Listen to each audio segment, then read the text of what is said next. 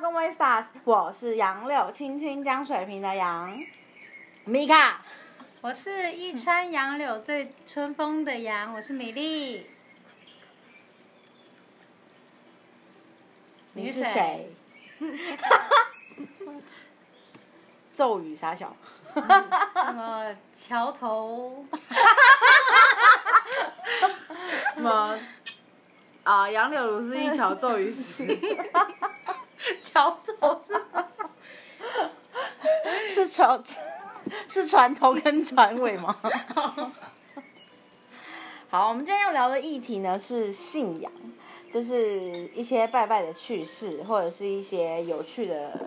就是神明事迹或玄学。为什么会聊这个议题呢？是因为我们每个人都会有发生一些有趣对于拜拜或者是求签问卜上面很有趣的东西。然后今天我们也找到一个客座，可以停止吗？拜托不要在我面前这边恶心。晒恩爱，自以为晒恩爱，其实是在晒恶心。我们今天找到一个客座，叫做凯哥。凯哥，如果大家前面几集有听到的话，就是呃杨琴的男朋友，也是前男友。 他是啊，不不是，你不否认有这个身份过。没有， OK，他是郑前小男友，便也是现男友。对， 啊，这样算吗？可以啊。超怪、欸，打招呼啊！哎、对，嗨，自我介绍一下， 他你是说他说纯的声音很好认，因为纯美就会 嗨，然后他说超好认， 嗨，我是恐怖情人。 这不可以被他听到，会被他打死。你有听凯哥恐怖你要自我你有你有听恐怖情人那一集吗？有有有有。凯哥，你要不要自我介绍一下，或者是呃，你要不要讲点什么？讲点什么嘛？嗯，就是也没什么好讲的。你就好，他哦其实是远端连线，就哎跟之。前，就跟之前那个我的那个电话电话录音的那个状态是一样的，所以我们请他就是远距离客座。好，我们今天要来聊，那谁要先讲自己关于就是拜拜或者是玄学的趣事，还是就我先讲？可以啊，好，我呃之前就跟你们之前讲的，就是我之前有一度就是我是你知道关干爹的干女儿，就关公干女儿。然后这件事情为什么会这么发生？其实一开始就是我跟几个朋友一起去行天宫拜拜，然后那时候刚好那一天刚好是关老爷的生日，然后一进去之后就是很盛大，很多信徒，然后在那边宝贝还爬拉了那个排队的线，然后就是想要就是大家来宝贝，然后看能不能做他的干干儿子或干女儿。那时候我没有什么，就是那时候就是其实意愿不大，也不是说就是没有就想说没差，也没有这个一开始想要做这件事情的企图。然后所有身边的人就是同行的有一男一女，然后加我三个人，其他两个人都去试过了，发现就是第一个不会就保没有，然后呢那边的就是工作人员就跑来问我要不要，我就说呃其实我没有特别就是就是企图做这件事情，然后他就说没有没有没有没有，其实我很之前看以前在看过卡通版的《三国志》的时候，我超级喜欢关公，因为我觉老得贵给，因为我觉得他特别帅。但你说你没有想，我还会，唱那首歌叫什么《瓦达西》， 我还会唱那首。你有看过王凯哥那部就是就是他那个主题曲不是什么一个一个日文？对对对对对对对，我到现在还会特别去听那首歌。学院那一个嘛，对对对，我觉得要是有人会跟我有共鸣，我会很 感动。听的那个啊。他以前他之前一直叫我找，你所以你也你你也有叫请他找这部我家找过啊，这部真的超级好看。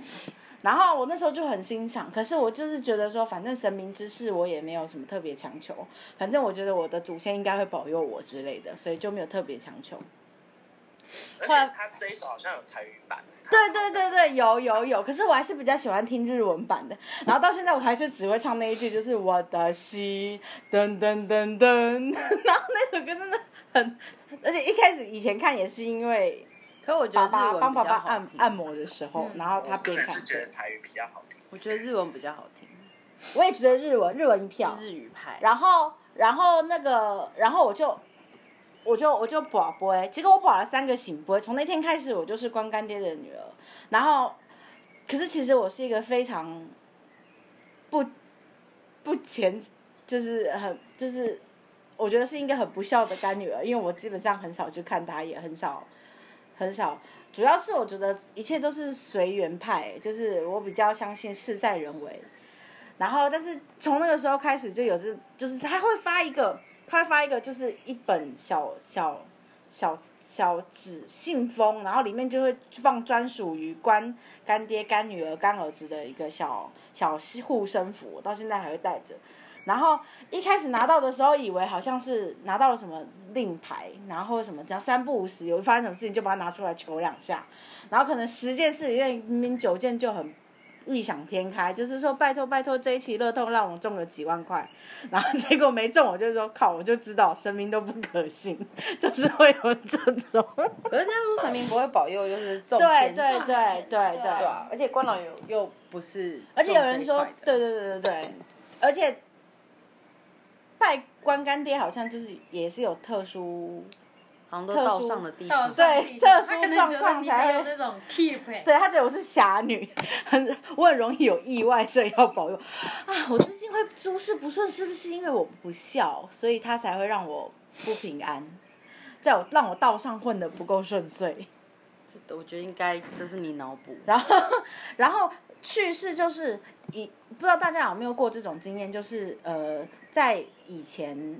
以前就是古早时候，大家都会觉得男生就是重男轻女的时代，男生都会比较挖得到醒杯，不管是对神明还是对祖先。所以我们家一姐拜完拜之后，都是我妈妈或我阿妈，就是会叫我弟弟或我爸爸去拔杯，然后我那时候就觉得很不公平。我就觉得凭什么？我就觉得女生应该也要享有这样的待遇。可是我妈就实测了，不管我阿妈跟我妈再怎么拔，永远都不会有醒杯这种事情。然后我就有一次就是信不过，因为那时候刚刚好那个爸爸跟阿弟都不在，所以我就说来杯给我，我觉得我可以拔出信杯。我妈就不相信，然后她就，但是她还是给我了。我也没有问说神明吃饱没，神明怎么样满不满意，什么都没问。我一拿到杯，我就说：“你们看看，这个女人她不相信我可以得到一个醒杯， 你们一定要保佑我，不可以让我落鬼。”真的是一件超贱的事情。 结果我就真的拿到醒杯，我妈妈很不相信，但是她问我说他们吃饱了，我就会说嗯，他们给我醒杯，我就避重就轻的谈这一块，因为我真的有求必应，每次都是这样哦，包括去扫墓去给阿公拜拜的时候，什么都有，然后反正就是宝贝就以前都只找男生，后来我就说你不会给我，然后我就不管怎么样用老套路，拜托，如果你们要多疼我一点，我怎么样也是个也是个长长孙什么之类才不的，是长你才不是孙，长长女孙之类的啊，就你也同一不胎。是，差不多啊，差三分钟也没差。然后我就跟他讲，永远都可以拿到醒杯，真的百试百灵，从来没有让我失望过。可是我从来不 care 他们吃饱了没有， 所以我就是一个很妖孽的人。不孝顺。 我觉得这件事情就是截至目前为止，我觉得最好笑。而且以前在读书要考国高中的时候啊，就是一定会去大庙，然后呢，到那时候就变得特别虔诚，每天都去拜。然后拜完之后就觉得哇，被香炉浸，不是香炉浸过，就是那些香香熏过，就觉得好像安定不少。所以我就觉得有的时候好像在拜拜以前去做这件事情，其实是求个心安，真的，不管你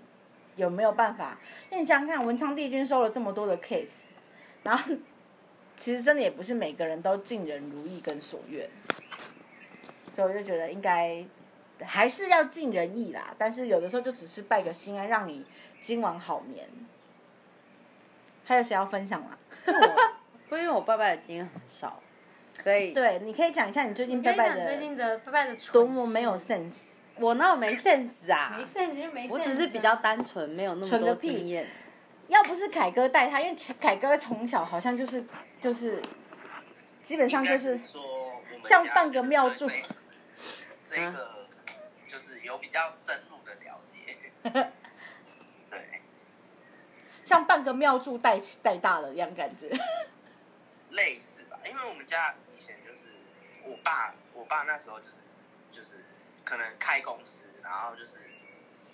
因为他学弟刚好是就是技神啊，就是技工的技神，所以就是比较会有去了解这个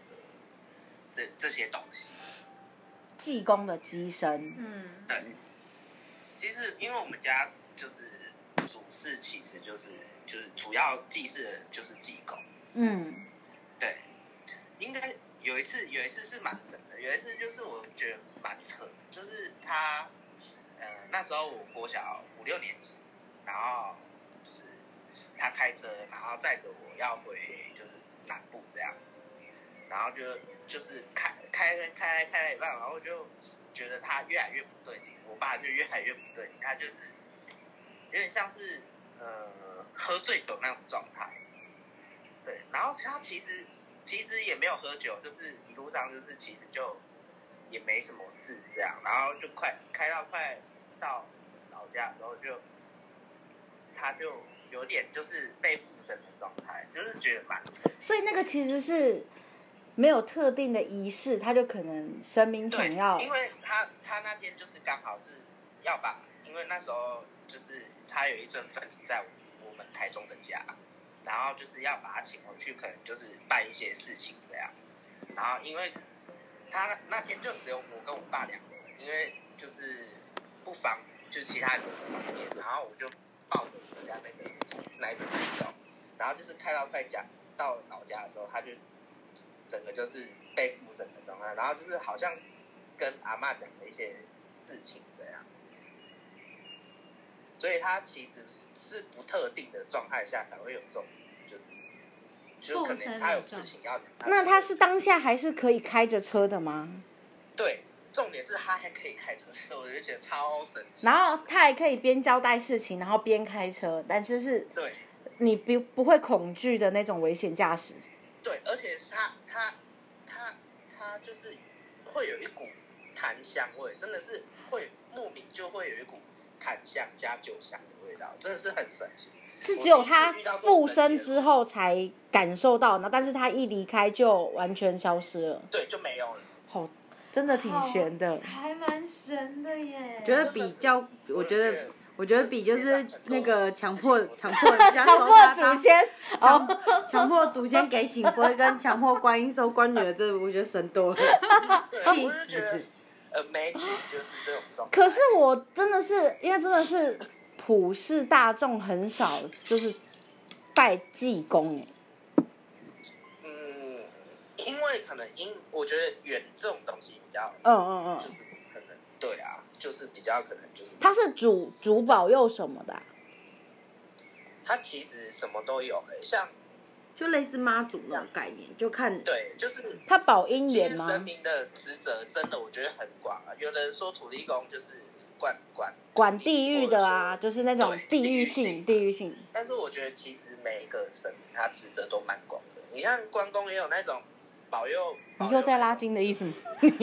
好运啊、财运啊都有、啊，对因为关公也是五财神嘛。 嗯，对啊，哎、所以可我能觉得就是因为这样，职我责说我偏财运其实也蛮不错的，对不对？可是我好像一直都偏财运不错。 然后，还哎、有快你你不讲是一下，说你你要你要指你你们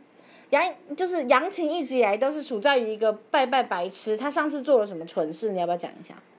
就是从，就是因为因为我们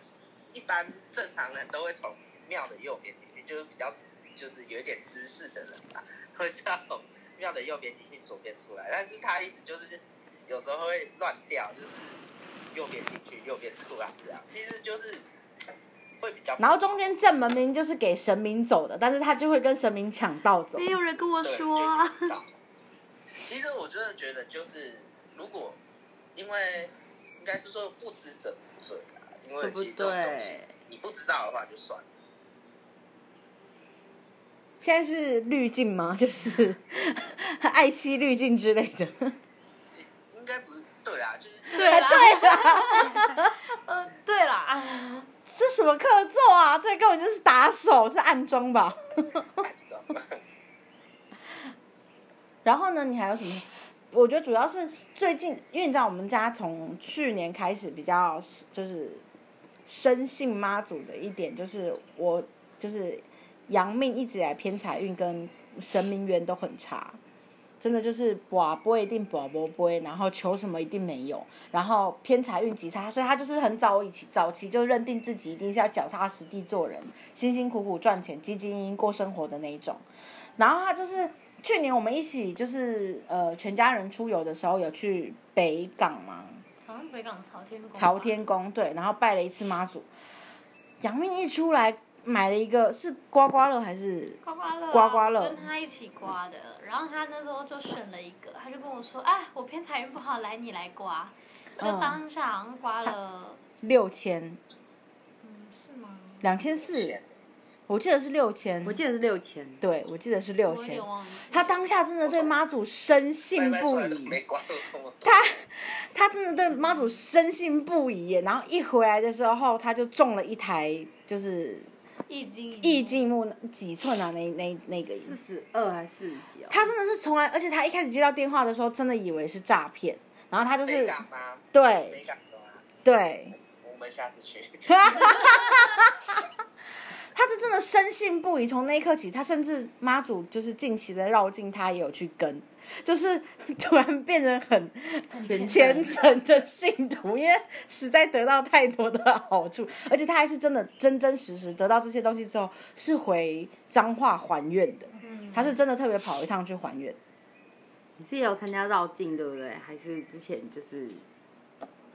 其实还愿的方式很多种啊，像竹山指南宫，它还愿的方式就很多，就是你可能就是就是六，因为它有借发财金，所以你就是借多少，如果你隔年有赚的话，就是还还他的双倍之类的。对，就那我我有一个疑问，就是有的时候你许了愿，可是不见得有达成。好比说这样好了，我今天求神明说，呃，我希望就是考试这一次考试模拟考考几分，或者是考上哪一个学校，他没有上，那这个需要还愿吗？嗯，我觉得应该是说见仁见智吧，看它功效到哪里。哦，每个人觉得会不一样，应该是这么说。就你自己觉得他有没有帮到你？哦，对，应该是这么 说。就是可能你的一开始你可能定的目标也太大，就是可能我随便定个说我想上台大，结果发现说，哎，我不莫名其妙上了成大或师大，哎，好像也行已啦经，比你预对想的还要好像好也很行多啦，没只是对，我我也许就是没有没有那个就是自己拜拜特别经验，可是我我觉得那个我有遇过，之前之前我跟我跟那个米粒有同共同的一个朋友，然后他是好像类似有点像是会感应的那一种那种朋友，然后他就他就会说，我们就说那你感应看看，就是我们有想问的事情，然后那时候就很就是因为那时候所谓他的感应是指他嗯可以问神，看他信的是哪一个，然后他可能就可以可跟以那讲个详神细一来。点嘛，因为我觉得在不知就是大家就是不知道他这个人的情况下，他会莫名听听的不是对啊，他很懂，是他是有在可以说是修行的人，嗯，然后就像你们可能会呃，就是局限说呃，侍奉妈祖或者是观音或者是对就是关老爷这一种，就是他也有一个固定的一个一个一个神，然后他是可能会去会去可以去问他事情，是他自己可以去问他事情，然后是当初大学的一个老师教他的，因为他可能感受到说他有佛缘，然后他就会带他进来这个这个你说领域老师感受到他对有他的大学你老知师，嗯道一直以来，我一直被很多什么，像是你也知道那个嗯很多纯的爸爸是在那个，嗯就是对很靠近佛，嗯，他就是叭叭叭对某个会长，然后嗯，他从一见到我的第一眼起，而且很多一见到我第一眼起就说我非常适合吃素，而且我很有佛缘。我觉得就老是讲这种话哦，但是我就说他们一定是觉得我身上散发着妖孽的味道，所以想要把我收进葫芦。他们一定是每天都是在想要把我拐进去他们的领域里面，然后把我收了。可是可是我要讲的是说，他是真的，他是真对的，对对，他真的有在就是修行或问世。然后我觉得很酷的是，他跟我说，他说他知道说他这辈子会有两次正缘，嗯，然后他知道说是哪一个人，然后是什么时候会遇到。那他是他是很明确的知道他师傅跟他说，他师傅跟他说，对啊，他们说我就会知道说哦，接下来我在某年某月的某一天，我就是会遇到杨晴这个人。 maybe 就是 maybe maybe 很明确，很明确，但是是他们自己知道就好。嗯，而且然但后是你知道那个男生他师傅跟他说喜对欢本人不知道，本人感应不到，是师傅帮他算出来的。师傅算的比较准，师傅算的比较准哦，但是为什么师傅会跟他讲？原因是因为他当初为了一个偏偏远偏偏远偏远的一个偏女远的生。女生，然后就是他很喜欢那个偏远的哦很喜欢那女个生，所以他的师傅就跟他说：“你的正缘你的正其缘实不是这现在这个时候，如也果不你是真这的个想人要，他的话，我可以把偏远，变正缘。但是你那个正缘就变就得没是喽没有喽，就没嗯喽他就没有正缘了。”他就跟他这样讲，然后后可是来他就偏圆说都变正圆了，那另外一个就看你正圆喜不喜欢那个人而已。哦然后他有看你对中毒他有多说深就，对对了他有说正缘的意思是你今天觉得他是对的对象，然后可以希望有望可以修成正果的意思。所以并不是说正圆就是哦，一定就他、一定就不是不是，就是这辈子命中注因定为这其个实人。你有可能这个人是你的正缘，但是你可能发生过很多事情，最之后后你你错过他了，对也有可能，对因为你但可能不是心态说或选择不一样。我知道他的概念就是，其实人生都是人本身就是弹性的，，对他会因为你的任何一个决定跟任何一个契机而改变你的命运或改变你的走向。对所以他知道你有这个正缘，就像老老天算出你有这个劫，当然不是说你在这个劫之后挂掉，但是你这个劫度过，就是你会告诉你说，你在这个时候会过得比较坎坷，也有可能变更好，也有可能变更差，也有可能一蹶不振，但是就看你自己怎么选择。对。然后后来因为他有讲到这件事情嘛，然后我们就有问他说，因为那时候我跟就是米粒都有男朋友，然后然后我们就有问他说，那我们的正缘出现了吗？嗯，然后他就说，他说两个都有。然后我那时候想说，所以那时候是桌桌子先生吗？对，就不是凯哥，是前一个哦，那然你后那个时候是帝王蟹。哦帝王是帝蟹。王蟹，然后反正都不是现在的。这两个人真的常常出现在我们的 然后 podcast 里面， 然后重点是，就是那个时候我，因为我们就问他说，我说那是不是现在这个对象？他说以他的角色，他只能告诉你有没有出现，他不能不能告诉你是谁。就是这种人，他们也是会保持着天机不可泄露对嗯的，他说如果讲了，他要付出代价的，嗯，因为他可能给了我一个明确的，会影响我事后的一些选选择择或你的命对，运。所以其实人家说造口业，并不是代表说你骂了人，而是说你今天你对这个人说了什么，让然他后影响了影响了他的这未个来甚才远是。这个才是所谓的造口业，并不是说哦我骂你三字经，或者是我骂你是个猪，我就是造口业，并不是。我懂你的意思，就是说。我今天骂你是猪，如果你不痛不痒，其实它不算造口业。可是如果我今天骂你这个 d e b 你这死胖猪什么之类的，可是这个胖猪这件事情让你午夜梦回想起来都会做噩梦，然后深深的影响你，然后那让你你就你毁变了成你一个会觉得人是了霸凌的那种状态，它就是嗯口就是业。口业对，然后所以他就说，那如果你今天想知道自己现在现在的这个对象是不是正缘的话，因为有可能所谓的正缘出现是我认识的某个人，但不是我的对象，就可能现在可能正在追我的某个人，嗯，他可能也是所谓的正缘出现。然后那时候就想知道说，所谓我的正缘到底是不是我现在这样子很迷茫哎、哎、有可能他是正缘，可是你对他一点他就注意都说，没有他就说，他说那你就去问月老，月老可以跟你说。月老啊可以哦直接就告是诉主你事的那个神是可以跟你讲真正的答案。他说你就去，你就去。然后因为我的红线是在那如果照刚刚凯哥的说我还没法讲，等等，照刚刚凯哥的说法，嗯，我可以去问土地公说这个人是不是正缘吗？看土地公要不要帮你回答这你、啊。个如果愿意回答你，他如果愿意回答你就可以。哦，就是其实你可以问各种神各种问题，就看那个人愿不愿意其回实答你。就像我，就像我这次不是就到处去保博嘛，有的也对不想回我啊，那我有个问题嗯哦，假设我今天问他说啊，亲爱的土地公，请问一下这个人是不是郑源？他给了我一个臭杯，所以是他不算想什么回？答哦，他不想理你，他不是他不想回答也许是他不想理你。他不想回答 你。哎很想说，他很想说跟我说，哎、这个是暧昧期的意思吗？连想理你他啊自己也不知就道。你啊最好要问到主事的那个神，哦然后所以后来因为我的红线是在龙山寺求的，所以我就去一趟龙山寺，嗯哼然后我就有问那个，我就有问对方月老说，听说我正缘出现了，对还是就是对不对？是的话就给醒波，他就给醒波，然后我就说，那所以是我现在的男朋友嘛，我现在的男朋友就是那个正缘嘛，然后又是醒波，我说不要骗我哦，然后我就说 不要骗我你就哦，说，我就说，我就说，因为人家你说现在要是在三找次，神人明家说要三次指，询吗？是他说要，人家通常都是要三次醒 你波还。想他怎么样？对我啊没有呛他，我就说，你真我就的说， gay 我就说是真的吗？ 我就说是真的吗？那如果是，你再给我个醒波，我大概保了五次，五次，然后全部都醒波。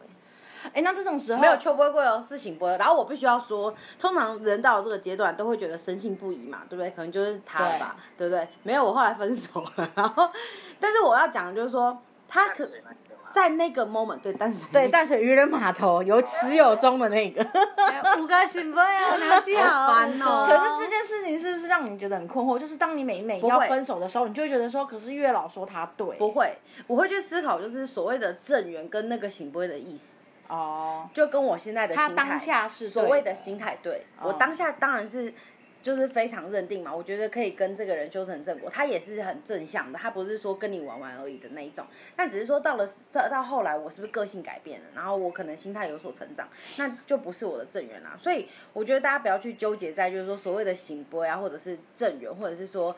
神明给了一些指示，他只是针对你现在的状态给了你一个指示，但他终究是指示，人人还是要掌，就是所谓的命运，还是因为你现在当下的选择而会有改变你的走向。那神明只是给你一个方向性给而已，你现在这个他状态不是给你答案的方向，哦我来做一个结论，嗯我就是，呃，我觉得这件事情它有个结论，我也觉得这个这个想法很好，嗯就是说神明所给你的东西，它不是一个答案。它绝对不是一个答案，它是给你一个参考价值跟建议，还有一个选择。或许是他现在是因为针对说你，你假设说我我举例来讲，我今天如果再去宝贝说，在以那个当下我把五个醒不的那个状态，他看到我想问。他会不会觉得说，如果今天你一直保持着正面的心态，跟这个人一直有好感的话，你们的确会有所有有所有未来。有所成，所以我给你五个醒不会，是对因为你们有这样子未来的可能性。嗯，那其实就看你们应该也要不是要会修成正果。对，看你要不要选择这样的未来而已。对，我刚刚结论做到一半，就是他给你的是一个选项，他给你的是一个一条路可以走，这条路不是错的路，它不会让你身心俱疲或者是伤痕累累。嗯至少因为对方也是尊重你跟全心全意的在这里面，他并没有负你，他也对没有在跟你他也不是渣男。对对对，它的正缘的意思跟这个选项的意思就是说，至少在这段这这个爱情里面，你会有所得有所学，但是怎么个得怎么个学都要看你自己。 ，maybe。那个时候的当下，它的确是一个不错的选择，嗯也是一个你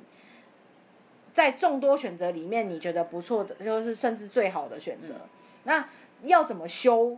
是还是是看你。对，还是要看你自己。然后像其实我，所以你不能把，所以不能把所有，就是有的人，我的朋友就会就会回去反反问，就是质问，就是说你不是说这个吗？对你当初对对为什么对对对为什么你要骗我什么？我觉得对不应该要把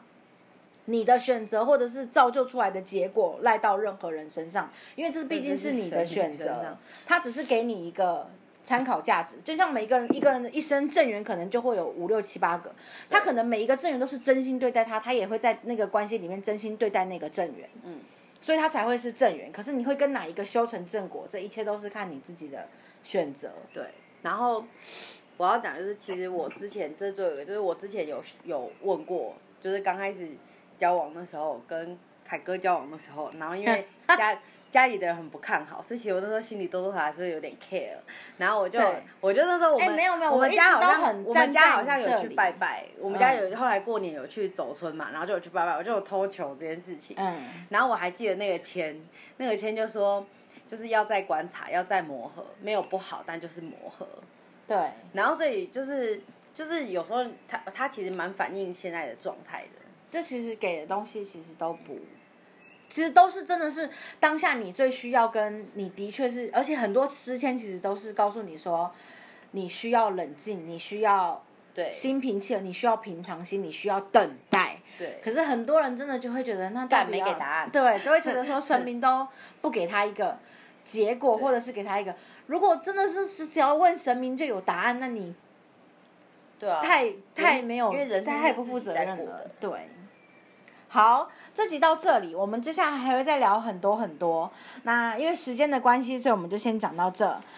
那就先这样喽，拜 拜。拜拜，拜拜。快举起来，快点，快举起来，不是。